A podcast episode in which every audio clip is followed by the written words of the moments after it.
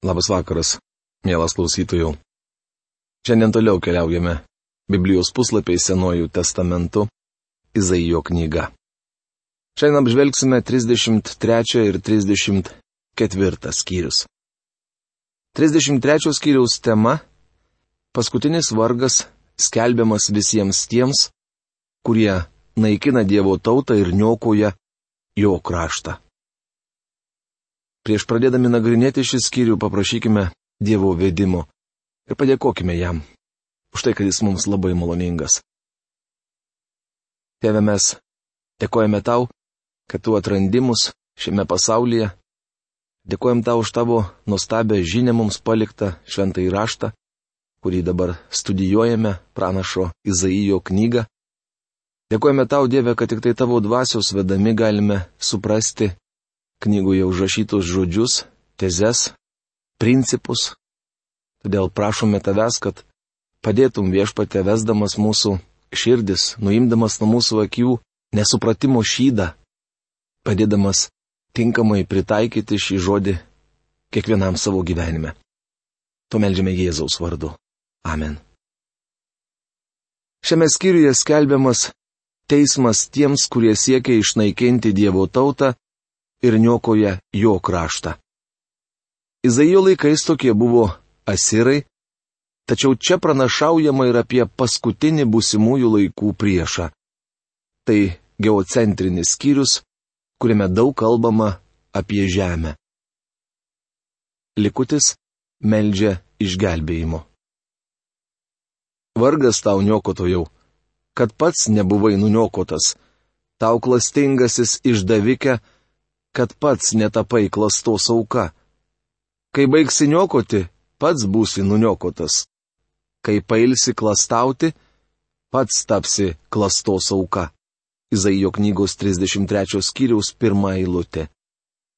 Šioje eilutėje Izaijas užrašė svarbes dvasinės tiesas, kurias Dievas atskleidė dar tuo met, kai žmogus nusidėjo.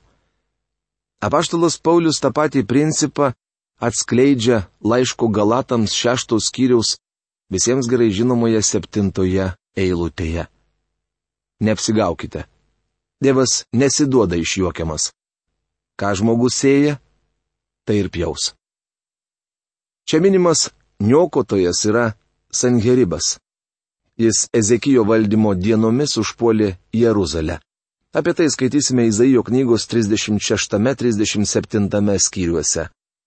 Manau, kad visi blaiviai mąstantis mokslininkai pritars, jog niokotojas yra Asirijos karalius. Tačiau šios skiriaus pranašystė skirta ne viena Sirijai. Iš tiesų Dievas sako, jūs naikinate mano tautą, tada aš sunaikinsiu jūs. Jis žada atkeršyti už savo tautą. Todėl mes tikintieji niekada neturėtume keršyti patys. Leiskime kad Dievas apmokėtų mūsų skriaudėjams. Paveskime šį reikalą jam, nes jis tai padarys geriau už mus.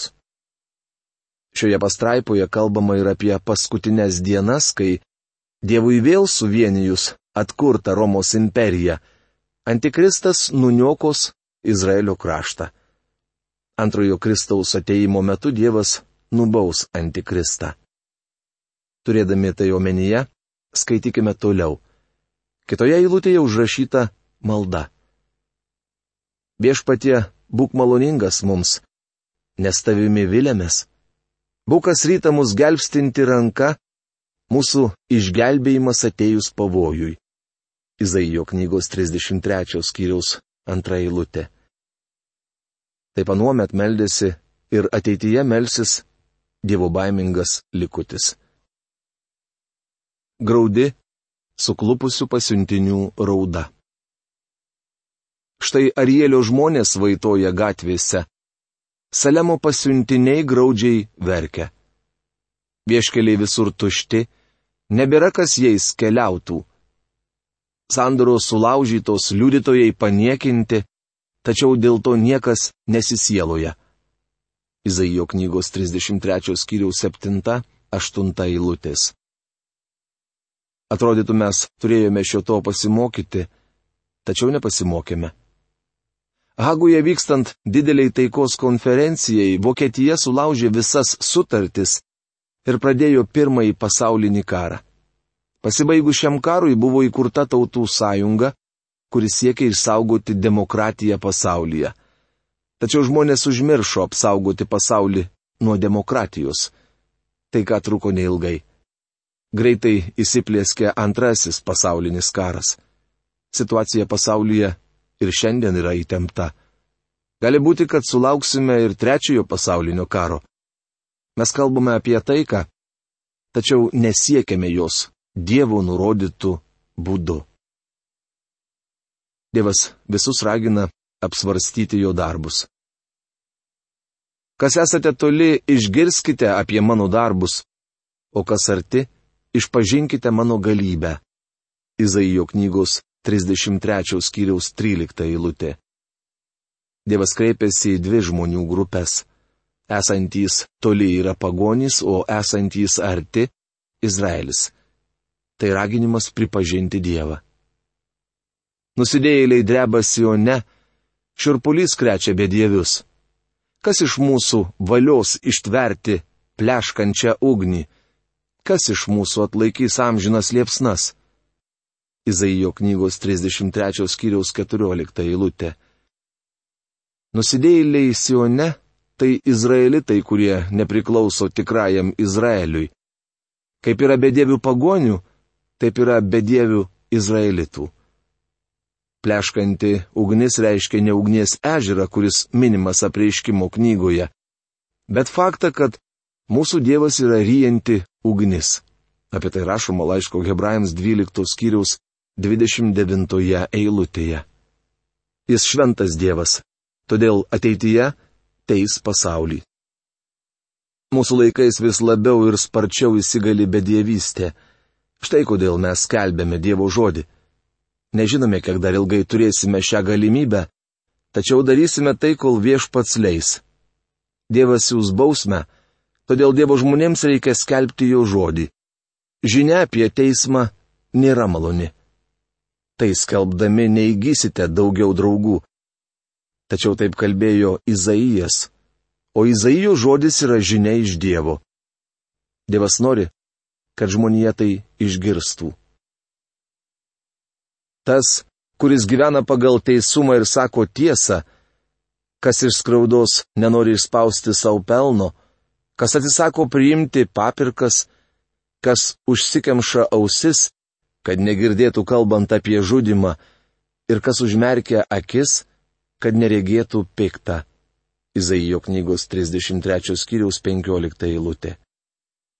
Kiekvienas tapęs teisiu tikėjimu į Kristų, raginamas gyventi pagal teisumą.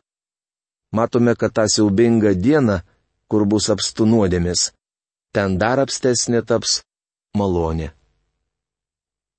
Šlovė Dievui už galutinį išgelbėjimą. Toliau skaitysime šios skyriaus dalį, kurioje šlovinamas Dievas už galutinį išgelbėjimą. Pažvelk į Sioną mūsų švenčių miestą. Te mato tavo akis Jeruzalę kaip saugią buveinę, nejudama palapinę, kurios nei kuolai niekada nebus išrauti, nei ne viena virvė nenutrūks. Tai ten viešpats mūsų bus galingasis Tai sritis upių ir plačių teikmių, ir joks irklinis laivas jomis nesirė, nei didingi laivai neskleidžia burių. Izaijo knygos 33 skyriaus 20-21 eilutės. Babilonas galėjo didžiuotis Eufrato upe, Asirija Tigru ir aukštutiniu Zabu, Egiptas Nilu, o per Jeruzalę netekėjo jokia upė, tenai nebuvo uosto. Tačiau Zacharyjo pranašystėje kalbama, kad tūkstantmetės karalystės metu Dievas parūpins Izraeliui uostą. Žiūrėkite Zacharyjo 14 skyriaus 4-8 eilutes. Manau, kad pranašo aprašomo žemės drebėjimo metu atsivers didelis slėnis iki pat viduržėmio jūros ir nuo to laiko Jeruzalė bus uostamestis. Šiaip pažodžiu išsipildysianti pranašystė turi ir dvasinį pritaikymą. Tai ten viešpats mūsų bus galingasis. Tai sritis upių ir plačių teikmių. Pats viešpats Jėzus yra Izraelio apsaugos ir palaiminimų šaltinis. Nebus ten žmogaus, kuris sakytų, aš lygotas. Žmonėms, kurie ten gyvena, kaltė bus atleista. Izaijo knygos 33 skyriaus 24 eilutė. Jeruzalėje žadama šlovinga ateitis. Tikėjimo akis žvelgia ne į laikinus sunkumus, bet į šlovingą ateitį. Jeruzalėje gyvens karalius. Ramybės kunigaikštis atneš žemiai taiką. Izaijo knygos 34 skyrius. Tema - Armagedono mūšis paskutinis pasaulinis konfliktas. Šiuo skyriumi baigiama Izaijo knygos dalis, kurią savo sudarytame plane pavadinau Karalystė - sosto įsteigimas žemėje. Visoje šioje dalyje dominavo teismo tema. Girdėjome, kaip Izaijas šešis kartus kelbė vargą ir aptarėme pranašystės raidą. Matėme, kokia buvo istorinė situacija Izaijo laikais apžvelgėme būsimąjį bausmės metą, kurį viešpats Jėzus vadino didžiuoju suspaudimu, bei karaliaus ateimą. Šiandien mes laukiame ne karaliaus, o savo gelbėtojo. Laiško Titui antros kiriaus 13 eilutėje paštalos Paulius rašo, Laukdami palaimintosios vilties ir mūsų didžiojo Dievo bei gelbėtojo Jėzaus Kristaus šlovės apsireiškimo.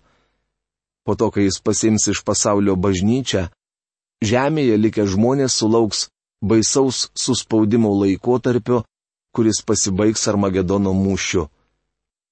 Šis skyrius prieštarauja pasaulio filosofijai.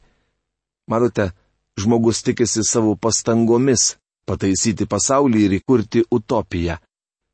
Jis planuoja įkurti tūkstantmetę karalystę. Nesvarbu, kaip tai pavadintume.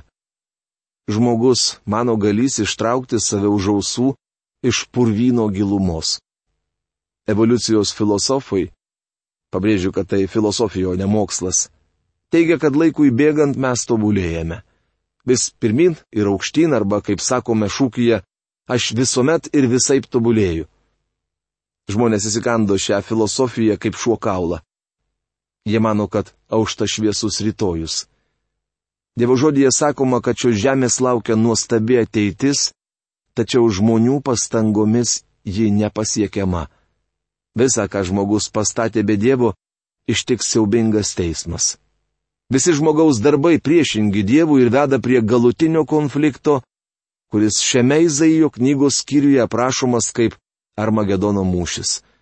Žmogaus nuodėmė galiausiai suvešės nedorybė žmoguje, kuris bandys įsteigti savo karalystę. Toji karalystė didžiojo suspaudimo laikotarpis. Jį galės užbaigti tik Kristus, atėjęs į žemę įsteigti savosios karalystės. Šiame skyriuje kalbama vien apie ateitį. Asirų tauta išnyko. Deličas rašo, regis iš istorinių laikų mes perkeliami į paskutinių įvykių sukūrį. Anot jo šie skyriai yra paskutiniai žingsniai į aukštumas, kurios atsiveria nuo 40 skyriaus. Kai sužlugus Asirijai horizonte vėl ėmė kauptis tamsus debesys, Izaijas pabėgo nuo savo laikmečio, jam vis artimesnis darėsi visų dalykų galas. Visą tai turėjo paruošti kelią apreiškimui apie Dievo įsikūnyjimo slėpinį. Ateikite, tautos, ir išgirskite. Klausykitės atidžiai gentys tai išgirsta žemė ir tai, ko jį pilna, pasaulis ir visi jo kūriniai. Izaijo knygos 34 skyriaus pirmą eilutę. Izaijo knygos pirmos skyriaus antroje eilutėje Dievas kvietė dangų ir žemę tapti liudininkais bausmės, kurią jis ištiksė savo tautai Izraelį. Dabar jis kreipėsi tik į žemės tautas, ragindamas išgirsti jo žodžius apie galutinį tautų teismą. Viešpats įpykęs ant visų tautų ir išėlęs ant visų jų galybių. Jis paliko jas prapulčiai, atidavė sunaikinti kaip atnašą. Izaijo knygos 34 skyriaus antra eilutė. Atidžiai įsiklausykite į žodžius, kuriais Dievas apibūdina šį teismą. Įpykęs, išėlęs, paliko jas prapulčiai, atidavė sunaikinti. Profesoriaus Algirdo Jurieno Biblijos vertime šie žodžiai skamba dar griežčiau ir svariau. Iš tiesų viešpats užsirūstinės ant visų nacijų ir įnirtęs ant visos jų kariuomenės. Jis paskyrė sunaikinimui, atidavė paskerdimui. Vargu ar įmanoma parinkti reikšmingesnių žodžius. Teismas visuotinis ir griežtas. Tai ne tik nelaimės metas Jokūbui, kaip rašoma Jeremijo knygos 30 skyriaus 7 eilutėje, bet skausmų metas visam pasauliui. Mūsų viešpats kalbėjo apie šį kančių laikotarpį, kuriam niekas neprilyksta visoje žmonijos istorijoje. Kad taip iš tikrųjų bus, patvirtina ir šį laikotarpį dar labiau sureikšmina apreiškimo knygoje minimi anspaudai, trimitai ir negandos. Nesvarbu, ar jūs to tikite ar ne, bet žemės laukia Dievo teismas. Nuodėmingas žmogus sulauks nešviesaus rytojaus, o siaubingos bausmės. Visa, kas mus supo ir ką mes matome, ištiks visagalio Dievo teismas. Jų užmuštieji bus metami į gatves, jų lavonai dvoks maitos tvaiku, kalnai permirks jų krauju. Izaijo knygos 34 skyriaus 3 eilutė. Siaubingas ir atstumiantis vaizdas. Nežinau, kas gali būti baisiau. Viešpats Jėzus, būdamas žemėje, taip pat kalbėjo apie šiuos dalykus. Apie būsimą šios žemės teismą rašoma ir apreiškimo knygoje. Regis daugelis žmonių tuo abejoja. Ši situacija man primena atsitikimą, kai per Kalifornijos įlankos pakrantę prašvilpė didelis uraganas. Praėjus keliams metams po katastrofos man teko važiuoti pro tą sritį. Mačiau nušluotus ištisus miestų kvartalus. Jie buvo plyni net praėjus keliariems metams po stichijos. Taip pat mačiau visiškai sulygintus džiunglių plotus. Pasakojama, kad nerūpestingi vieno namo buvusio pavojaus zonoje gyventojai, išgirdę įspėjimą apie artėjančią audrą, nusprendė niekur nevažiuoti. Jie netikėjo, kad audra bus smarki. Tad nutarė surenkti alau šventę. Užuot evakavęsi, jie visi nusigėrė. Tie žmonės šaipėsi iš prognozių ir įspėjimų ir visi žuvo vietoje. Jūs galite šaipytis iš žemėje grėsinčio teismo. Tačiau Dievas sako, kad teismas artėja. Mielas bičiuli, tai tiesa. Visos kalbos bus juo paplūdusios. Kaip knyga užsiskleis dangus ir kris jo visos galybės kaip krinta lapai nuo vynmedžio ar figmedžio. Izaijo knygos 34 skyrius 4 eilutė. Pamatę nuo medžio nukrintant lapą, galite bandyti jį priklyjuoti atgal prie šakos, tačiau jis neprigis. Lygiai taip pat jūs nepajėgus sustabdyti artėjančio teismo. Galite padaryti tik vieną - pasirūpinti užuovėje. Paklausykite Dievo ir atsiminkite, kad viešpats Jėzus yra užuovėje žemę užklupsiančios audros metu. Edomas simbolizuoja visus dievų priešus. Kai mano kalavijas bus iškeltas danguje, jis kris taiga ant Edomo, ant tautos, kurią aš palikau prapulčiai - teismui. Izaijo knygos 34 skyriaus 5 eilutė. Atkreipkite dėmesį, kad Dievas kalaviją iškelia danguje. Žemėje mes imamės kalavijo, kai norime atkeršyti ar turime slaptų ketinimų. Dievas iškelia kalaviją, kad žemėje įsiviešpatautų teisingumas ir teisumas. Kalavijas iškeltas danguje. Teismo diena kris ant žmonijos. Edomas yra Ezabas, o Ezabas yra kūniškos prigimties simbolis. Kitaip tariant, šiuo vardu vadinami visi tie, kurie Adome sukėlė prieš Dievą ir jo tautą.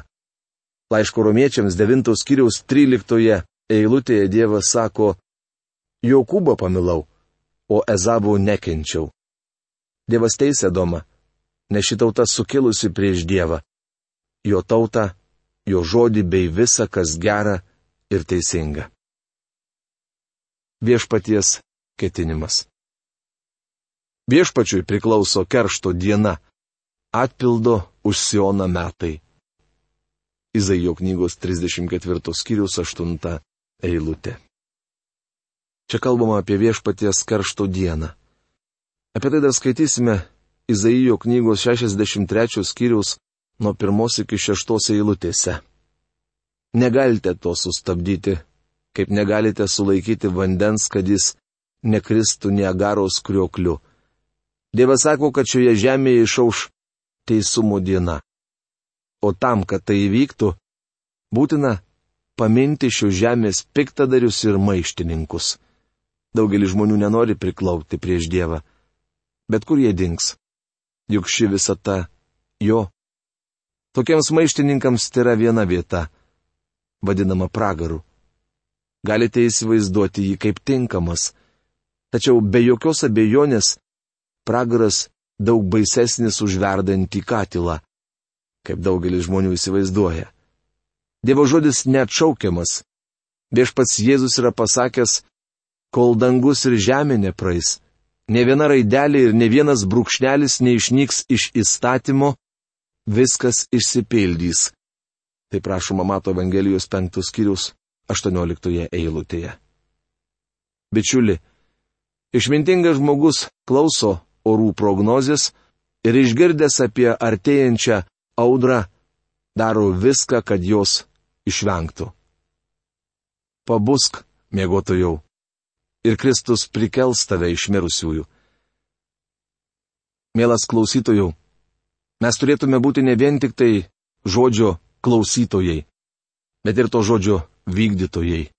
Todėl turbūt daugeliu iš mūsų reikia atsinaujinti savo proto dvasioje, kad galėtume pažinti, ko Dievas iš mūsų reikalauja. To visiems jums ir linkiu. Pamastykite apie tai. Iki greito sustikimo. Sudė.